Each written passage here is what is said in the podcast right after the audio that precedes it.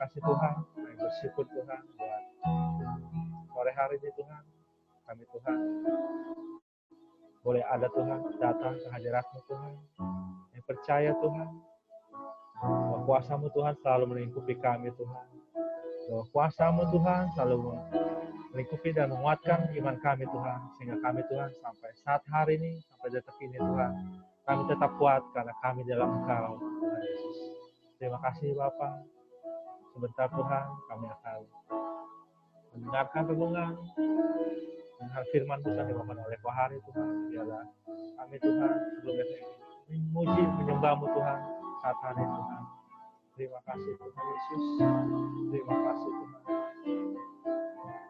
Kami bersyukur Tuhan buat sore hari ini Tuhan. Biarlah kami serahkan Tuhan untuk acara selanjutnya tangan Bapak. Terima kasih Bapak. Terima kasih Yesus.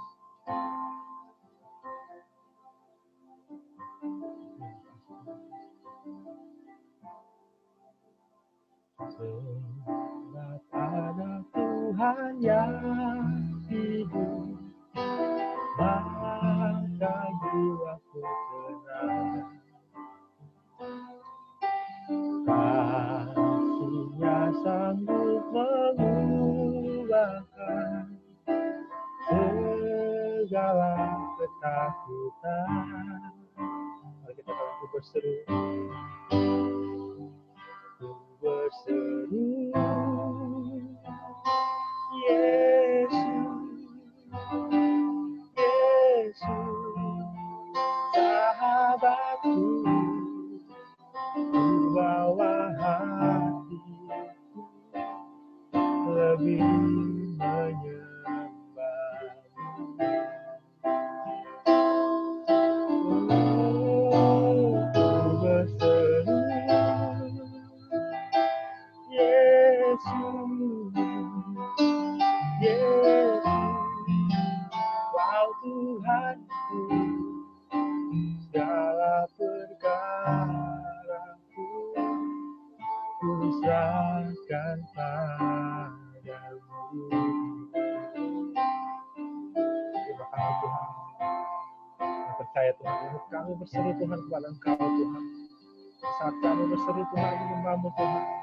segala perkara kami Tuhan, percaya Tuhan, semuanya Tuhan, selesaikan.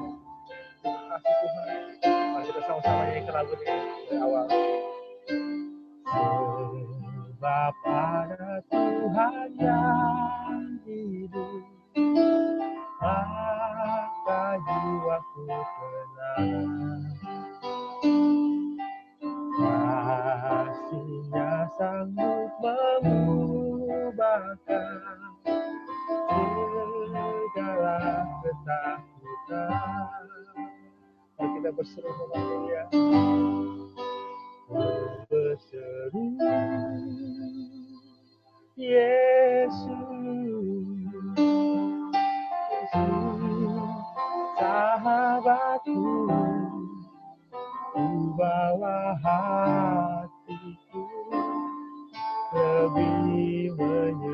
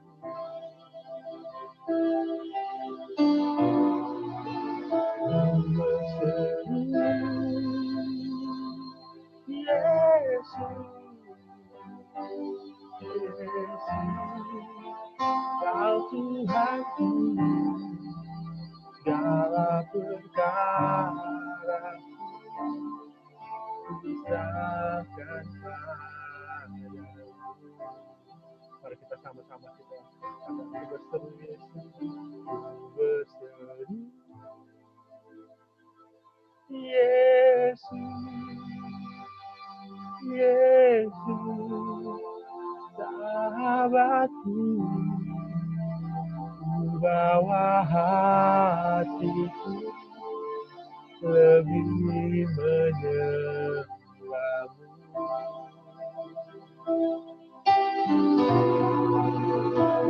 Berselamu.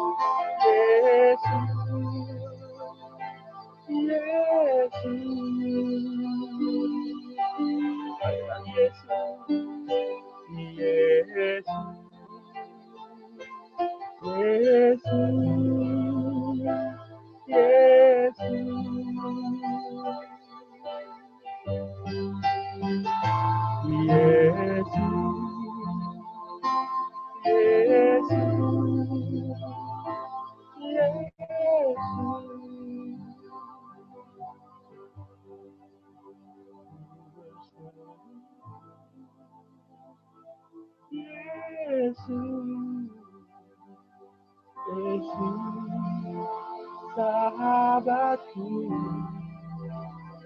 bawa hatiku lebih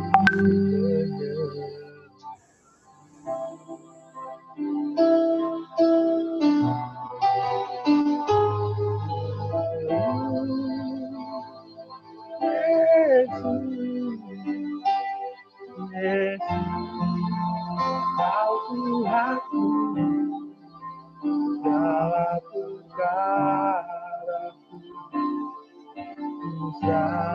serahkan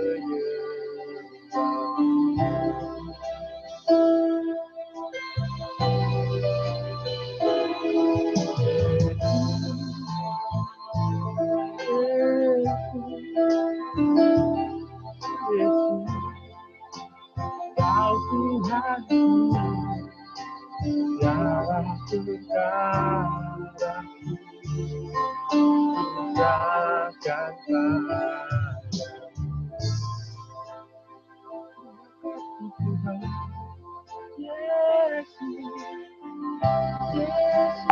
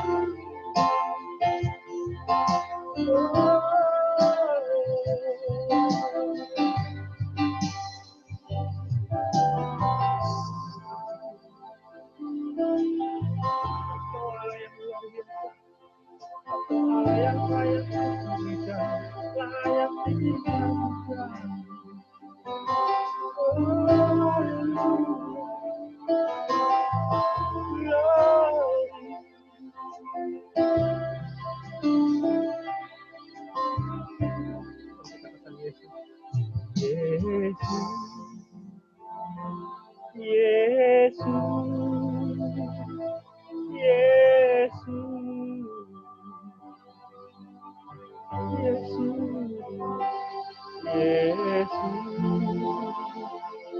Yesus.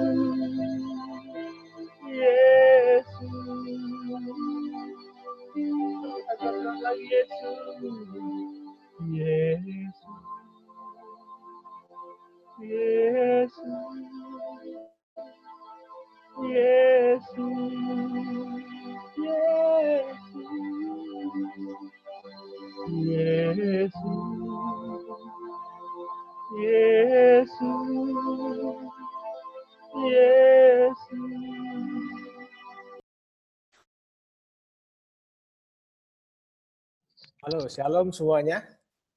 Shalom. Puji Tuhan. Shalom. Shalom. Kita bisa berkumpul lagi hari ini. Eh, saya akan bawakan hari ini temanya mempergunakan kesempatan. Saya pernah bawakan tema waktu berapa lama yang lalu, hidup adalah kesempatan, tapi saya akan bawakan hari ini tema yang judulnya mirip, tapi isinya agak sedikit berbeda. Mari kita langsung aja buka uh, dari Injil Yohanes Yohanes 9 kita buka dan kita baca bersama ayat 4 dan dan kelima. Dua ayat saja dari Yohanes 9 ayat 4 dan ayat yang kelima. Kita baca kita harus mengerjakan pekerjaan Dia yang mengutus aku selama masih siang akan datang malam di mana tidak ada seorang pun yang dapat bekerja Selama aku di dalam dunia, akulah terang dunia. Ya. Nah, Yesus bilang dalam Injil ini bahwa selama masih siang, maka kita, Anda dan saya harus mengerjakan pekerjaan-pekerjaan Allah. Melayani Tuhan, mengatakan Injil, bersaksi, dan apa yang Tuhan suruh buat kita lakukan. Selama masih ada waktu, masih ada siang, masih ada kesempatan di dalam dunia ini. Yesus tahu dalam pelayanan di dunia ini dia dibatasi oleh waktu. Waktu dia nggak banyak dari 33 tahun, tiga setengah tahun melayani dengan darah dan daging. Setelah itu dia diangkat ke surga. Nah, sama seperti yang Yesus katakan dari ayat ini bahwa selama masih ada kesempatan, pakailah kesempatan itu dengan bijak. Nah, kita, Anda dan saya, semua kita dibatasi oleh yang namanya waktu. Mari kita, nah saya akan jelaskan sedikit, mungkin sebagian sudah pada tahu, tapi mungkin beberapa belum. Yang sudah tahu kita akan refresh sejenak. Ya. Waktu itu dibagi dua, ya. Eh, dalam terjemahan bahasa aslinya disebut kronos dan kairos. Kronos adalah waktu yang linier, ya. Waktu jam, hari, tanggal, minggu, bulan, nah itulah kronos. Ya, jangka waktu tertentu, entah waktu itu singkat, entah waktu itu panjang, atau yang lama. Nah, kronos ini bersifat kuantitatif. Kita bisa hitung. Kadang orang tanya, umur kamu berapa? Saya umur 5 tahun, 10 tahun, 15 tahun, 50 tahun. Ya, itulah kronos. Nah, kalau yang satu lagi adalah kairos. Kairos adalah waktu tertentu atau season mungkin ya, istilahnya lebih tepat. Saat-saat tertentu. Nah, kairos ini bicara mengenai waktu dalam Alkitab adalah waktu atau kesempatan yang khusus. Waktunya Tuhan itulah disebut kairos. Nah, kairos ini kalau sudah lewat ya tidak akan lewat tidak akan kembali lagi. Ini bicara kairos ini bicara mengenai di mana Tuhan sediakan waktu-waktu khusus di mana itu kesempatan yang emas ya. Kalau tidak kalau tidak digunakan dengan baik maka kita akan kehilangan kairos-kairos itu. Kairos itu bersifat kualitatif. Nah, saudara-saudara yang terkasih, kita saat ini berada dalam periode lockdown, di mana setiap orang harus bekerja di rumah, sekolah di rumah, apa ibadah di rumah. Makanya kita juga lakukan PD online seperti ini, di mana masing-masing kita tidak bisa bertemu secara fisik, tapi kita bertemu di udara. Saudara terkasih, nah, saya percaya pasti ada sesuatu yang Tuhan mau bicara lewat setiap kesempatan waktu yang diberikan oleh Tuhan. Dalam Alkitab ada yang namanya sela, ya. Nah, apa itu sela? Mari kita buka dari Mas itu Mazmur 3 ayat contohnya ya, ada banyak tapi di di perjanjian lama. Mazmur 3 ayat yang ke-1 sampai ayat yang ketiga ada salah satu contohnya. Saya kata saya bacakan buat saudara sekalian atau mungkin bisa ditampilkan di screen. Mazmur 3 ayat 1 sampai 3. Mazmur Daud ketika ia lari dari Absalom anaknya. Ya Tuhan, betapa banyaknya lawanku, banyak orang yang bangkit menyerang aku. Banyak orang yang berkata tentang aku, baginya tidak ada pertolongan daripada Allah. Sela. Nah, di situ di Sela. Tapi ayat 3 ditulis, tetapi engkau Tuhan adalah perisai yang melindungi aku, engkaulah kemuliaanku dan yang mengangkat kepalaku. Saudara, arti kata sela itu artinya pause atau jeda sejenak ya. Sela itu terjemahan aslinya disebut pause and think of that. Artinya berhenti sejenak dan kita pikirkan baik-baik ya. Saudara terkasih, dari ayat tadi yang sela, kita bisa lihat Daud saat di apa saat lari dari Absalom dia dari banyak masalah, dia dirudung oleh problem yang ya anaknya sendiri ya. Bahkan orang mencemooh dan katakan nggak ada pertolongannya dari Tuhan. Padahal kita tahu Daud itu kan uh, the man after own heart, Tuhan katakan, ya. Dan di situ di tengah-tengah itu ada tulisan Sela, lalu dia berkata, Tuhan, engkaulah pertolonganku, engkaulah perisai yang melindungi aku, engkaulah kemuliaan yang mengangkat kepalaku. Saudara kasih, kita dalam suasana di mana COVID lagi merajalela. Tapi saya percaya bahwa saat-saat ini adalah waktu kita untuk pause, untuk sela, untuk diam, dan kita pikirkan Tuhan mau bicara apa. Ya, saudara, saya mau satu masuk dalam satu poin bahwa bagi saya pribadi dan saya bagikan share ini kepada saudara sekalian dalam kesempatan PD hari ini. Saat ini ada kesempatan untuk apa? Untuk kita mereview, melihat masa lalu kita sampai saat ini. Ya, kita punya banyak waktu sekarang untuk berdiam diri, untuk merenung, untuk berkontemplasi, untuk melihat flashback ke belakang. Apakah yang selama ini sudah kita lakukan? Apa yang sudah kita capai? Dan untuk apa semuanya itu? Saudara terkasih, saya berapa kali lihat kisah-kisah orang yang diberikan second second chance oleh Tuhan. Mungkin mungkin uh, pernah lihat video-video di mana orang udah saat-saat kristis, udah berteriak Tuhan, Tuhan, kemudian seakan-akan Tuhan kasih lihat flashback masa lalunya. Dari awal sampai dia, Tuhan tunjukkan dosa-dosanya, Tuhan tunjukkan peristiwanya, bagaikan film itu terulang. Dan akhirnya orang itu mungkin sembuh atau hidup kembali dan dia bisa uh, punya kesempatan hidup yang baru. Saudara terkasih, jangan sampai kita diberikan kesempatan seperti itu. Udah dalam keadaan udah sekarat baru ingat Tuhan. Tapi saya percaya setiap hari kita punya kesempatan untuk mereview hidup kita, untuk melihat hidup kita. Ya, apakah saya mempergunakan waktu satu kesempatan yang Tuhan beri dengan baik, ataukah kita malah menyia-nyiakannya? Nah, ada hal yang lucu mungkin ya pernah dengar dari beberapa orang masa lockdown ini kan banyak waktu di rumah, ya nggak bisa ke mana-mana, mau ke mall-mallnya tutup, mau jika mau makan restoran-restoran yang cuma take away, ya kan. Nah akhirnya apa? Banyak beberapa orang menghabiskan waktu dengan ya nonton drama Korea berjam-jam, berseri-seri, atau mungkin main game berjam-jam, atau melakukan hobinya, ya. Saudara terkasih, ya itu keputusan masing-masing. Tapi baiklah kita belajar bijak untuk mempergunakan waktu kita yang terbatas di dunia ini. Kita buka Mazmur 90 ayat yang ke-12.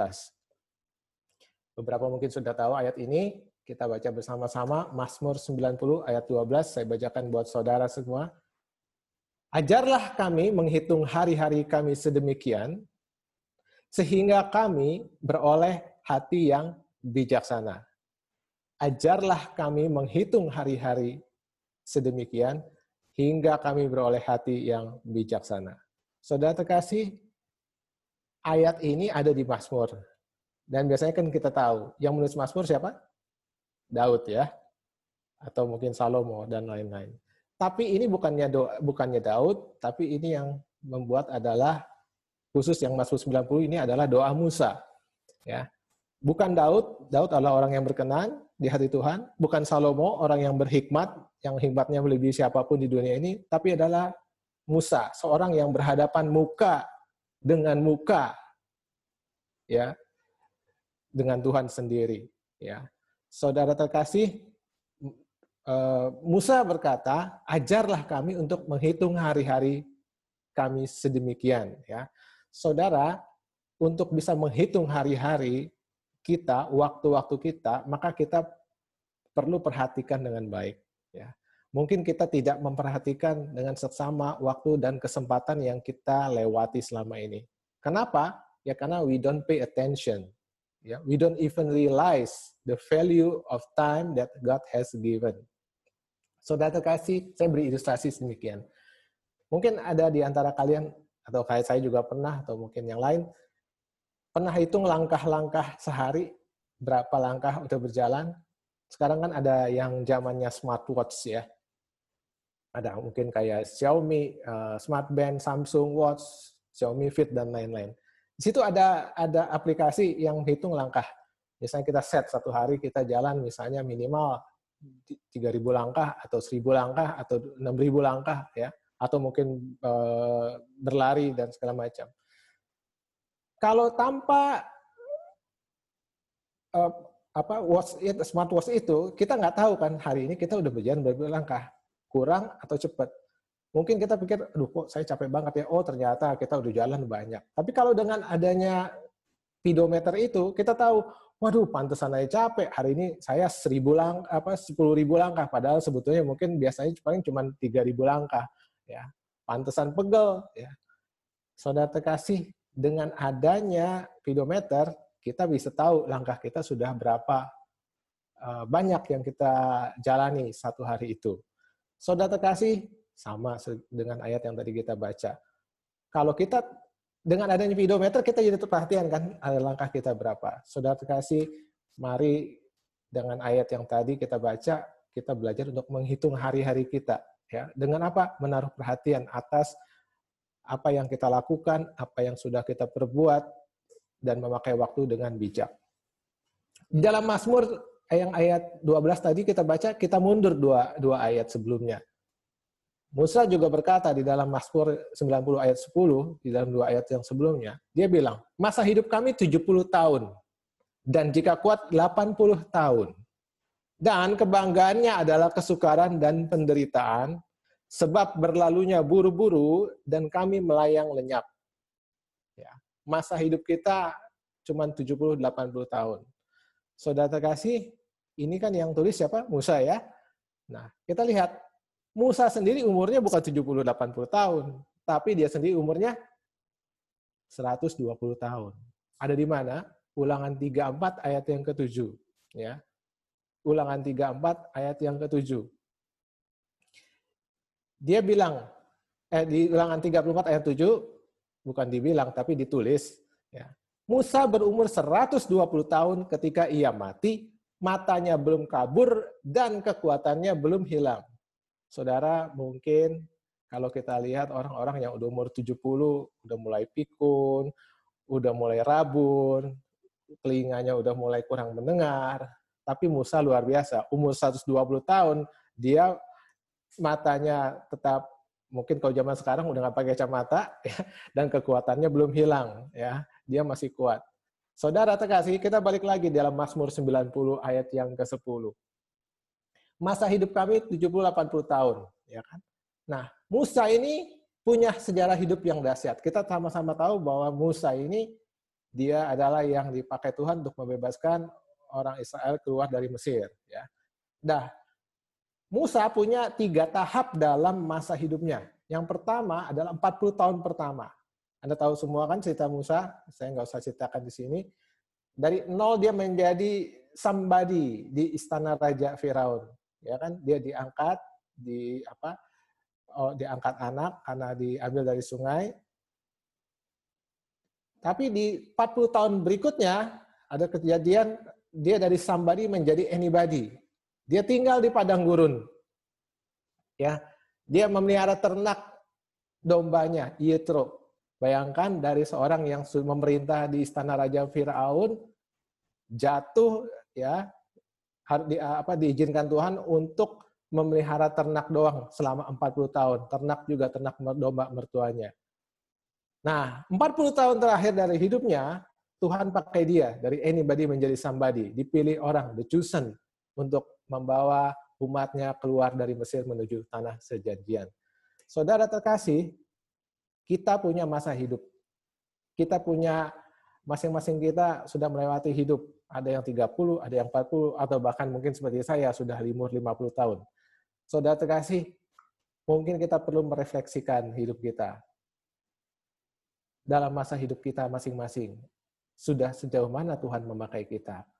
Atau bahkan mungkin selama ini belum maksimal ya pertanyaan daerah ditanyakan oleh masing-masing sendiri semua dari kita ya mari kita hidup mari kita review hidup kita ya saya berikan beberapa pertanyaan untuk menjadi bahan renungan buat kita masing-masing uh, kita tanyakan kepada diri kita sendiri pertama apakah kita sudah on the right track Alkitab di perjanjian lama bicara jangan kamu melenceng ke menyimpang ke kiri atau ke kanan ya Artinya apa? Tuhan pengen kita hidup lurus sesuai dengan kehendaknya.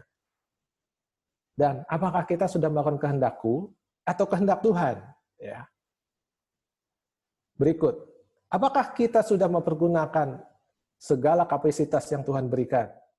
Waktu, uang, karunia, talenta, fasilitas, kemampuan, kepandaian, ya, atau kita mungkin menyia-nyiakannya. Apakah kita menghargai waktu dan hidup yang selama ini Tuhan berikan? Saudara, pertanyaan yang saya tanyakan terakhir ini mungkin saya akan jelaskan sedikit. Apakah kita menghargai? Menghargai itu artinya memberikan nilai terhadap sesuatu benda, value. Hidup dan waktu ada nilainya. Ya. Semua benda, semua hal di dunia ini ada value-nya, ada harganya. Ya, Bahkan nih, contoh aja, sampah, kita tiap hari pasti buang sampah, ada sampah yang kita buang di tong sampah. Itu artinya kan buat kita sudah tidak berguna, karena sudah sisa-sisa dan segala macam. Tapi even di yang barang yang kita taruh di tempat sampah masih dicari oleh pemulung, dikorek-korek.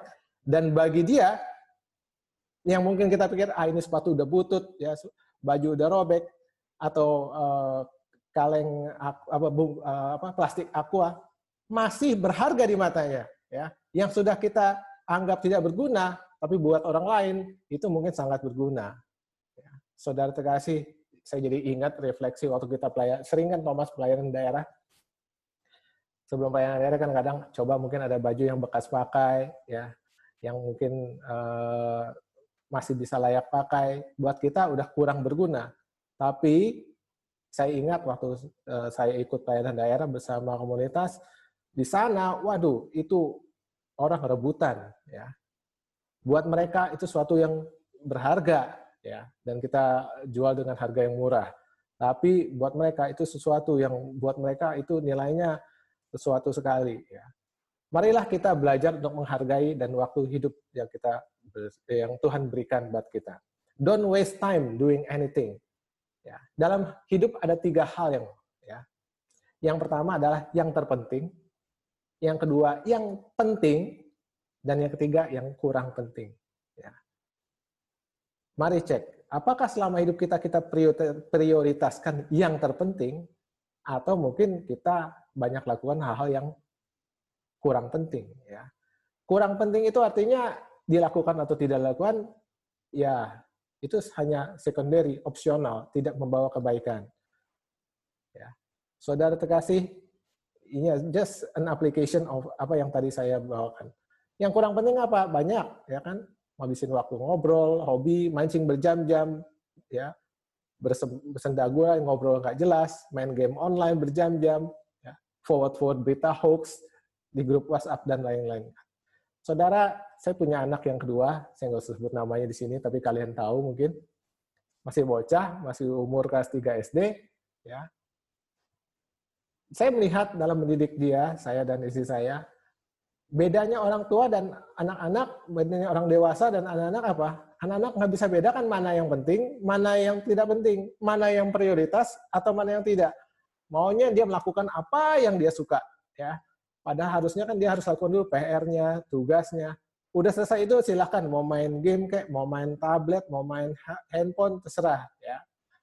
Nah, kalau disuruh yang penting, dia males setengah mati dengan seribu macam alasan. Saudara terkasih, dari hal itu kita belajar untuk refleksi. Kalau kita sudah dewasa, kita tahu bagaimana mana yang paling penting, mana yang mana yang terpenting. Saudara terkasih, kita balik ke refleksi lagi dalam kondisi sakit, uh, pandemik kayak begini, Tuhan mau bicara buat kita. Kesehatan adalah suatu hal yang penting, ya. Buat beberapa orang itu yang paling penting, ya. Anda sehat, Anda bisa menikmati hidup, itu suatu karunia dan suatu anugerah. Tapi apakah kesehatan adalah yang paling penting? Suatu saat kita semua dipanggil Tuhan. Caranya bagaimana? Tuhan yang punya cara. Tapi yang paling penting bagi saya adalah keselamatan. Yang terpenting adalah kalau Tuhan panggil kita, mungkin lewat segala macam caranya, apakah setelah itu kita menghadap Tuhan Apakah selama, setelah itu kita masuk ke dalam surga yang Tuhan janjikan ya. Jadi yang paling penting adalah keselamatan. Saudara terkasih, mari kita lanjut lagi dalam satu ayat, Efesus 5 ayat yang ke-16. Efesus 5 ayat yang ke-16.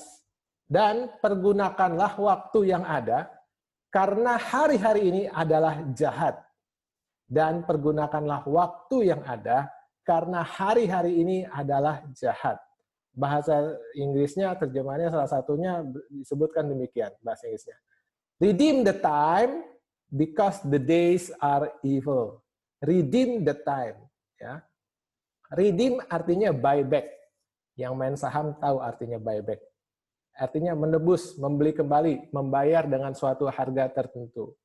Saudara terkasih, Paulus yang menulis ini pada saat zaman itu Paulus waktu zaman itu kan masih ada yang sebut perbudakan kan? Ya. artinya apa? Istilah ini digunakan ketika seorang membeli barang eh, di sebuah toko namun ternyata barangnya nggak sesuai ya. Maka toko tersebut bersedia membelinya kembali ya. Kalau di luar negeri asal risip kita beli barang, risipnya kita masih simpan, kalau kita nggak cocok, udah kita kita apa kita balikin lagi, duitnya bisa balik money back garanti. Nah, zaman dulu dengan orang-orang budak, waktu zaman masih ada perbudakan, istilah ini digunakan untuk mereka yang membebaskan seorang budak dari belenggu tuannya, dari pemilik lamanya. Redeem, nah, redeem ini juga dipakai waktu Yesus istilahnya dipakai waktu Yesus mati di atas kayu salib menebus dosa-dosa kita. Ya, maka disebut Christ the Redeemer, ya kan? Artinya apa? Saat kita ditebus oleh Tuhan Yesus, dibeli dengan harga lunas, artinya harga yang lunas dibayar itu bukan hanya untuk tubuh kita saja, bukan hidup kita saja, tapi juga waktu kita Tuhan beli dengan lunas dibayar. Jadi, saudara terkasih, marilah kita memakai waktu kita dengan bijaksana ya. Karena apa? Waktu kita sebetulnya juga waktu milik Tuhan, bukan waktunya kita sendiri. Maka dengan doa Musa, ajar kami untuk menghitung hari-hari, Tuhan Tuhan juga ingin kita memakai hari-hari kita dengan baik. Nah, saudara terkasih, saya lanjutkan dalam hidup tadi kan kita lewati ada yang namanya kronos dan adanya kairos ya. Jangan lihat usia, waktu, umur dengan kacamata kronos, tapi lihatlah dengan kacamata kairos ya. Kadang-kadang hidup kita hanya melihat hal-hal yang kronos sehingga kairos itu lewat di depan mata. Saya ajak saudara sekasih untuk kita lihat kisah di dalam Injil Yohanes 5 ayat 1 sampai dengan ayat 9. Yohanes 5 ayat 1 sampai dengan ayat yang ke-9. Tapi kita nggak usah baca semuanya. Kita lihat dari ayat 5 sampai ayat eh sorry, ayat 6 sampai dengan ayat yang ke-9 saja. Ini cerita mengenai orang lumpuh yang disembuhkan Yesus. Dia sudah lumpuh selama 38 tahun yang dihampiri Yesus di pinggir kolam Bethesda. Saya bacakan buat saudara di ayat yang ke-6 sampai dengan ayat yang ke-9. Ketika Yesus melihat orang itu berbaring di situ, dan karena ia tahu bahwa ia telah lama dalam keadaan itu, berkatalah ia kepadanya, Maukah engkau sembuh? Jawab orang sakit itu kepadanya, Tuhan, tidak ada orang yang menurunkan aku ke dalam kolam itu apabila airnya goncang.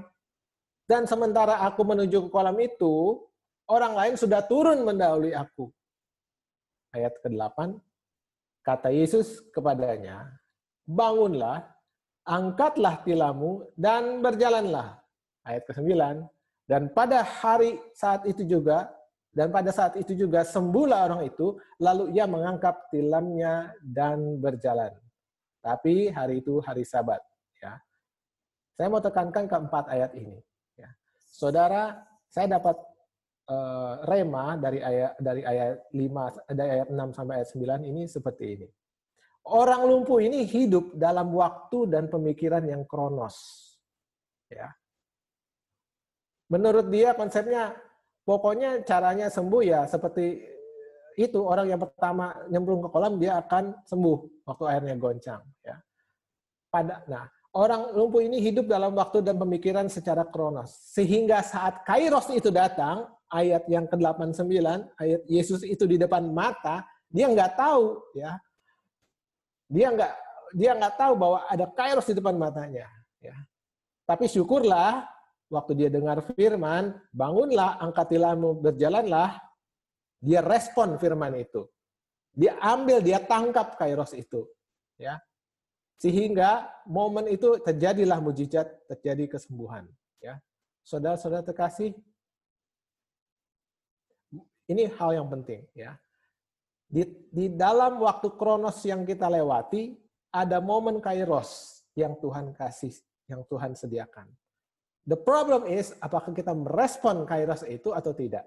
Ya. Apakah kita bisa melihat ini kairos yang Tuhan dan menindaklanjuti kairos itu atau tidak. Ya. Kunci untuk kesembuhan di dalam ayat uh, eh, 8, Yesus juga berkata, bangun, angkat tilammu, berjalanlah. Saudara, kalau orang sakitnya mungkin baru setahun, dia pikir untuk bangun dan angkat tilammu, berjalanlah, mungkin bisa. Kalau mungkin dia pikir dia baru lumpuhnya dua bulan yang lalu, dia pikir, ya saya coba. Saudara, ini orang sudah 38 tahun menderita lumpuh. Jadi, waktu Tuhan katakan, bangunlah angkat tilammu berjalan, saya percaya ada pergolatan besar. Karena apa? Kita lihat di lain sebelumnya. Nggak ada orang yang menurunkan aku Tuhan. Menurut dia, dia sudah hidup di dalam pola pikirnya, kalau mau sembuh cuma satu, harus nyemplung di kolam ya. Dan itu gue gak dapat kesempatan karena keduluan orang-orang lain. Ya saudara terkasih ini refleksi buat kita semua. Apakah kita melihat ada titik-titik kairos dalam usia hidup selama ini yang kita lewati? Ya. Apakah kita melihat ada titik-titik tapi mungkin kairos itu lewat ya tapi kita punya Tuhan yang bukan hanya hidup di masa lalu tapi Tuhan juga untuk masa depan kita ya Tuhan masih akan berikan kairos-kairos itu di depan mata kita. Maukah kita melihat ada harapan akan kairos yang Tuhan berikan? Ya. Jangan sampai nanti di depan masa depan kita ada kairos, tapi karena kita nggak memperhatikan kairos itu, maka kairos itu akan lewat. Demikian. Jangan sampai kita miss the God's moment. Ya. Ayat berikut, Pengkhotbah 3 ayat 1 ini sudah pada tahu semua biasanya. Untuk segala sesuatu ada masanya, untuk apa pun di bawah langit ada waktunya. Ya. Kunci untuk berhasil adalah saat kita tahu kapan masa-masa itu datang pada waktunya. Saudara, kunci untuk berhasil adalah bila kita tahu kapan saat-saat itu datang. Ya, saudara terkasih, seorang filosof, seorang ahli filosofi filsuf yang bernama Seneca berkata begini, luck is what happens when the preparation meets the opportunity. Luck is what happens when the preparation meets the opportunity. Keberuntungan atau sukses terjadi ketika apa? Ketika kesempatan bertemu dengan kesiapan. When you are ready and the time is right, then luck or success will happen. Ya. Saudara terkasih, opportunity itu datangnya dalam bentuk kairos, yang mana kita nggak tahu. Itu bagiannya Tuhan. Tapi persiapan itu adalah bagiannya kita. Itu bagian kita yang kita harus lakukan. Ya. Saya ajak saudara semua untuk lihat ya. Ingat kisah kisah uh, dalam Alkitab Yesus sendiri mengatakan ada perumpamaan 10 gadis bijaksana dan 10 gadis yang bodoh ya dalam perumpamaan di Injil ya. Saudara kasih yang masuk yang masuk bersama kebahagiaan para uh, mempelai adalah 10 gadis yang bijaksana yang mempersiapkan diri ya. Saudara, pepatah bijak mengatakan persiapan yang baik adalah setengah dari keberhasilan ya. Paling tidak kita udah lakukan bagian kita sehingga waktu saatnya datang kita lakukan sisanya dan jadilah uh, keberhasilan yang bagiannya kita ya. Saudara terkasih, kita lanjut kita baca tadi kan pengkhotbah tiga ayat yang satu ya. Sekarang kita lanjut di ayat yang ke-8. Eh sorry, pengkhotbah 9 ayat yang ke-8. Pengkhotbah 9 ayat yang ke-8. Di dalam pengkhotbah 9 pengkhotbah bicara mengenai waktu dan kesempatan juga. Disebut begini. Biarlah sega, biarlah selalu putih pakaianmu, eh, maaf, biarlah selalu pakaianmu putih dan jangan tidak ada minyak di atas kepalamu biarlah selalu pakaianmu putih dan jangan tidak ada minyak di atas kepalamu. Saudara, pakaian putih dalam bahasa Alkitab bicara mengenai kekudusan, mengenai kesiapan, ya, mengenai kekudusan, ya, orang yang tidak mencemarkan uh, hidupnya, ya. Contoh, kalau malaikat selalu digambarkan berbaju putih, ya, orang-orang kudus juga berbaju putih, ya, Wahyu 3 ayat yang keempat. Wahyu 3 ayat yang keempat. Tetapi di Sardis ada beberapa orang yang tidak mencermarkan pakaiannya. Mereka akan berjalan dengan aku dalam pakaian putih karena mereka layak untuk itu. Ya, saudara terkasih. Tapi bukan hanya berbaju putih, disebutkan di dalam pengkhotbah 98, jangan tidak ada minyak di atas kepalamu. Minyak itu bicara kesiapan, siap sedia ya. Sukacita, hidup dengan positif, dengan sukacita. Kalau kita dalam masa prapaskah, pantang puasa, selalu ada ayat yang disebutkan ya, yang kita baca bersama-sama, diajarkan oleh gereja juga. Matius 6 ayat 17. Apabila kamu berpuasa, minyakilah rambutmu dan cucilah mukamu, ya. Saudara, dua hal ini penting ya ayat yang 9 pengkhotbah 9 ayat 8 hendaklah kita siap sedia karena kesempatan tidak selalu ada dan pada kesempatan datang maka kita sudah siap. Kita tidak menyia-nyiakan. Ya. Saudara terkasih bicara mengenai keselamatan ah, sorry kesempatan di dalam hidup maka kita percaya Tuhan bukan hanya memanggil kita untuk siap sedia pada saat kesempatan itu datang, tapi juga dipanggil secara aktif untuk mencari kesempatan dan menciptakan kesempatan. Ya, satu ayat kita buka lagi dari 2 Timotius 4 ayat yang kedua. 2 Timotius 4 ayat yang kedua. Nah, Paulus memberi instruksi ini kepada Timotius dan juga ayat ini bicara buat kita semua. Beritakanlah firman, siap sedialah, baik atau tidak baik waktunya. Nyatakanlah apa yang salah, tegurlah dan nasihatilah dengan segala kesabaran dan pengajaran. Ya. Beritakanlah firman, saya garis bawahi, siap sedialah, baik atau tidak baik waktunya. Ya. Saudara, ini bicara mengenai persiapan dan waktu yang kita lewati. Baik atau tidak baik. Ya, bahasa Inggrisnya dalam beberapa terjemahan disebutkan favorable or not favorable time. Ya, favorable artinya wah waktunya pas nih, oke okay nih, atau not favorable. Bahasa Inggris terjemahan lain disebutkan in seasons or out of seasons, ya. Whether the time is convenient or not. Kalau in season or not season ya mungkin yang ibu-ibu yang sering belanja di mana contohnya di bukan di Miniso, apa Uniqlo gitu kan. Kan kadang-kadang wah ini lagi musim lagi musim panas yang diobral apa? Yang baju-baju musim dingin, harganya dibanting 50% dan lain-lain, ya kan? Ah, kesempatan nih. Karena apa? Harganya lagi murah. Walaupun waktunya nggak pas, lagi musim panas, ya. Tapi kalau dibuat musim dingin, pasti harganya mahal. Ya kan? Saudara, balik lagi ke dalam 2 Timotius 4 ayat yang kedua. Siap sedialah beritakan firman, baik atau tidak baik waktunya. Saya punya kesaksian dengan ayat ini, mungkin buat sedikit sharing. Saya lupa, tapi beberapa tahun yang lalu saya ikut pelayanan sama komunitas Kanton Thomas, diajak Mami, Elfri juga ikut waktu itu, dan beberapa tim lain, pelayanan ke Labuan Bajo, ya, Kupang. Nah, uh, apa di situ kita melayani untuk bawakan retret uh, eh, SHB sama komunitas Santo Thomas di seminari buat anak-anak seminari.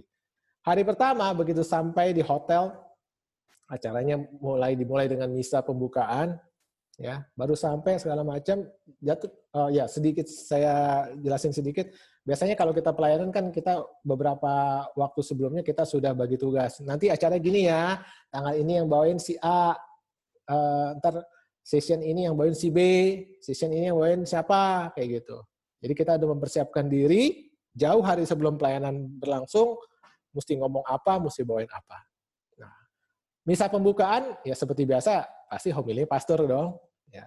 Jadi begitu sampai di hotel nih, mungkin sekitar jam 3 jam 4, misalnya mungkin jam 5, laki kita nyantai-nyantai lagi istirahat, mami biasa ngumpul-ngumpul, kita ngomong, eh nanti gini ya, nah, kita dikenalin nanti dengan pastornya dan segala macam.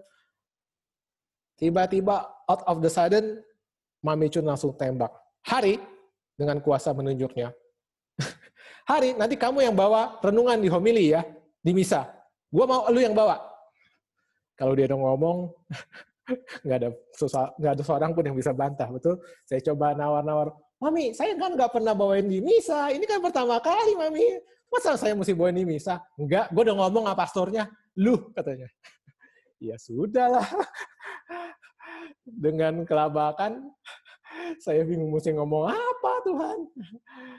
Saudara kasih, walaupun saya sudah jadi pembawa firman udah beberapa tahun, jujur buat saya pertama kali bawa homili di misa itu pertama kali. Apalagi di depan pastor yang baru kenalnya juga apa baru mungkin satu dua jam doang ya. Apalagi di depan para umat dan pater-pater yang ada suster ada frater ya. tapi puji Tuhan saya bisa lewati itu dengan baik bukan karena kuat dan gagah saya tapi karena urapan Tuhan yang bekerja di dalam saya. Dan saya percaya firman ini bicara buat kita juga. In season or not season pakai kesempatan. Untuk apa untuk beritakan firman. Tuhan, mungkin ada orang yang ngomong, saya nggak bisa bawa firman, tapi kamu bisa bersaksi kan tentang kebaikan Tuhan. Nyatakan, ya kan, tegurlah, nasihati, ya. Saudara terkasih, siap atau tidak siap, baik atau tidak baik, siap sedialah, ya. Baik atau tidak baik waktunya. Sebagai penutup, saya mau bagikan uh, salah satu buku. Ada seorang pengarang mengarang buku judulnya setengah isi setengah kosong ya. Half full or half empty ya. Dikarang oleh Pak namanya Parindungan Marpaung dia menuliskan ada tiga tiga tipe manusia yang menyikapi kesempatan. Yang pertama adalah orang yang lemah menunggu kesempatan. Orang yang kuat menciptakan kesempatan. Orang yang bijak atau orang yang cerdik memanfaatkan kesempatan. Bagi orang yang lemah, kesempatan belum datang, dia tunggu, tunggu, tunggu, tunggu saja. Ya, jika kesempatan yang tunggu datang, ya udah pasrah, akhirnya menerima keadaan. Saudara, tetapi bagi orang yang kuat, jika kesempatan belum datang, dia akan dia akan berikhtisar untuk mencari segala macam cara kemampuan menciptakan kesempatan agar datang. Orang ini prinsipnya kesempatan nggak datang, jadi harus dicari. Saudara kasih di dalam bisnis saat saat ini perusahaan perusahaan harus berpikir ulang ya kita akan masuki hadapi new normal ya dalam masa-masa sulit gini di mana kantor nggak boleh buka, perusahaan mau ditutup, banyak perusahaan harus putar otak untuk tetap dapat income, dapat sales ya. Restoran-restoran harus jualan frozen food, delivery, take away ya. Bagaimana cara strategi? Kasih diskon, beli online, promosi di medsos dan lain-lainnya. Ya, itu namanya menciptakan kesempatan.